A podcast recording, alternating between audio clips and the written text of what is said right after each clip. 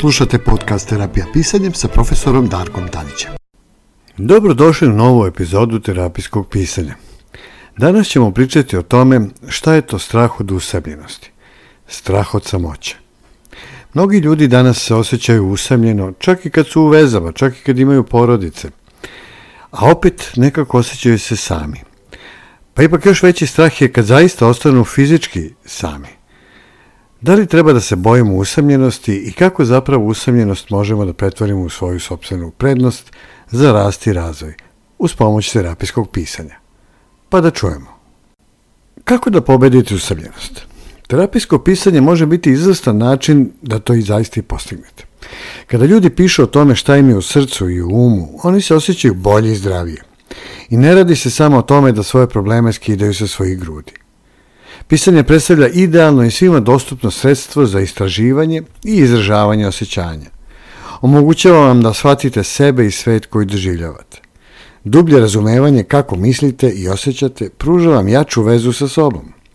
To je ta veza koja vam često omogućava da prevaziđete negativne emocije, kao što je recimo krivica i sramota, i umesto toga pristupite pozitivnim kao što su optimizam ili empatija, što predstavlja negujući osjećaj povezanosti sa drugima pored sebe i naravno sa samim sobom. Zanimljivo je da se osjećaj povezanosti sa drugima koji se stvara kroz pisanje može dogoditi čak i kad ljudi nisu direktno angažovani jedni sa drugima, odnosno čak i kad nisu prisutni tu pored vas. Zamislite da ste na filmu ili koncertu i doživljavate nešto dramatično ili uzbudljivo.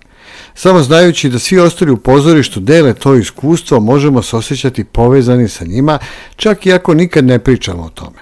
Terapijsko pisanje može imati isti efekat povezivanja kao kad pišete o stvarima koje prepoznajete, čak i ako se ta iskustva razlikuju od iskustva drugih ljudi. A ako delite svoje pisanje, možete još više poboljšati svoju vezu sa nekim drugim. Ta korist je energizacija, poboljšanje života, pa čak i spašavanje života u svetu gde je usamljenost i loše zdravlje koje može nastati usled toga postala prava epidemija. Možda je vreme da se više pažnje posveti terapijskom pisanju kao važnom načinu da se poveća osjećaj povezanosti sa drugima i prevaziđe usamljenost.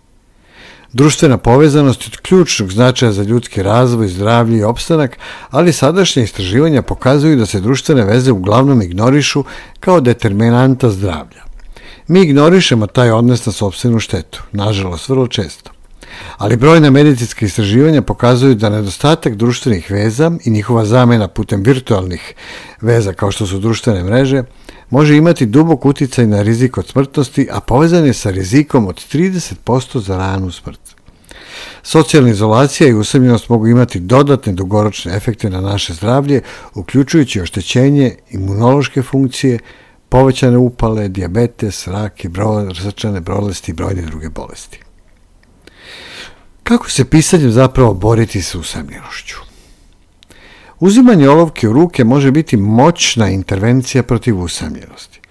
Čvrsto verujem u pisanje kao sjajnu terapiju za ljude koji se osjećaju usamljeno jer pruža mogućnost da otkriju, definišu, oblikuju i razmenjuju svoje lične priče.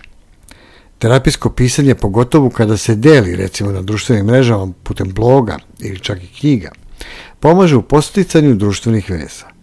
Može smanjiti teret usamljenosti među mnogim ljudima koji su najviše ugroženi, uključujući starije osobe, staratelje, osobe sa težim bolestima, ljudi koji su izuzetno introvertni, koji su osetljivi, mladi, odrasli i mnogi drugi. Pisanje nam pomaže da odjednom delujemo u prošlosti, sadašnjosti i budućnosti.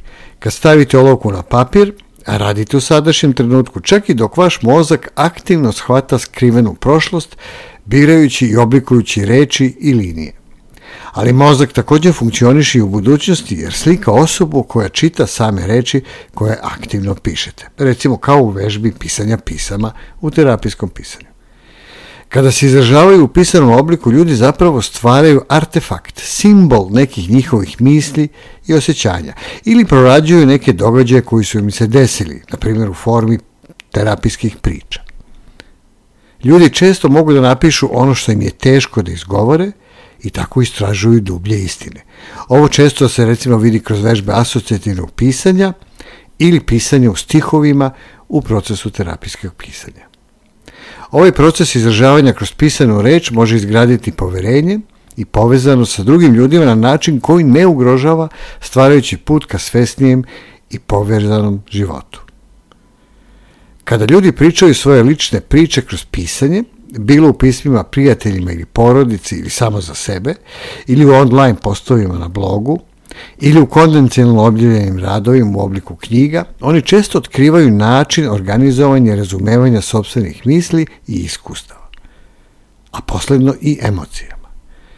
Pisanje pomaže u demistifikaciji nepoznatog i smanjuje strahove, posebno kada delimo te pisane brige sa drugima, pa čak i u formi terapijskih vežbi koje nikada drugima ne šaljemo direktno na uvid.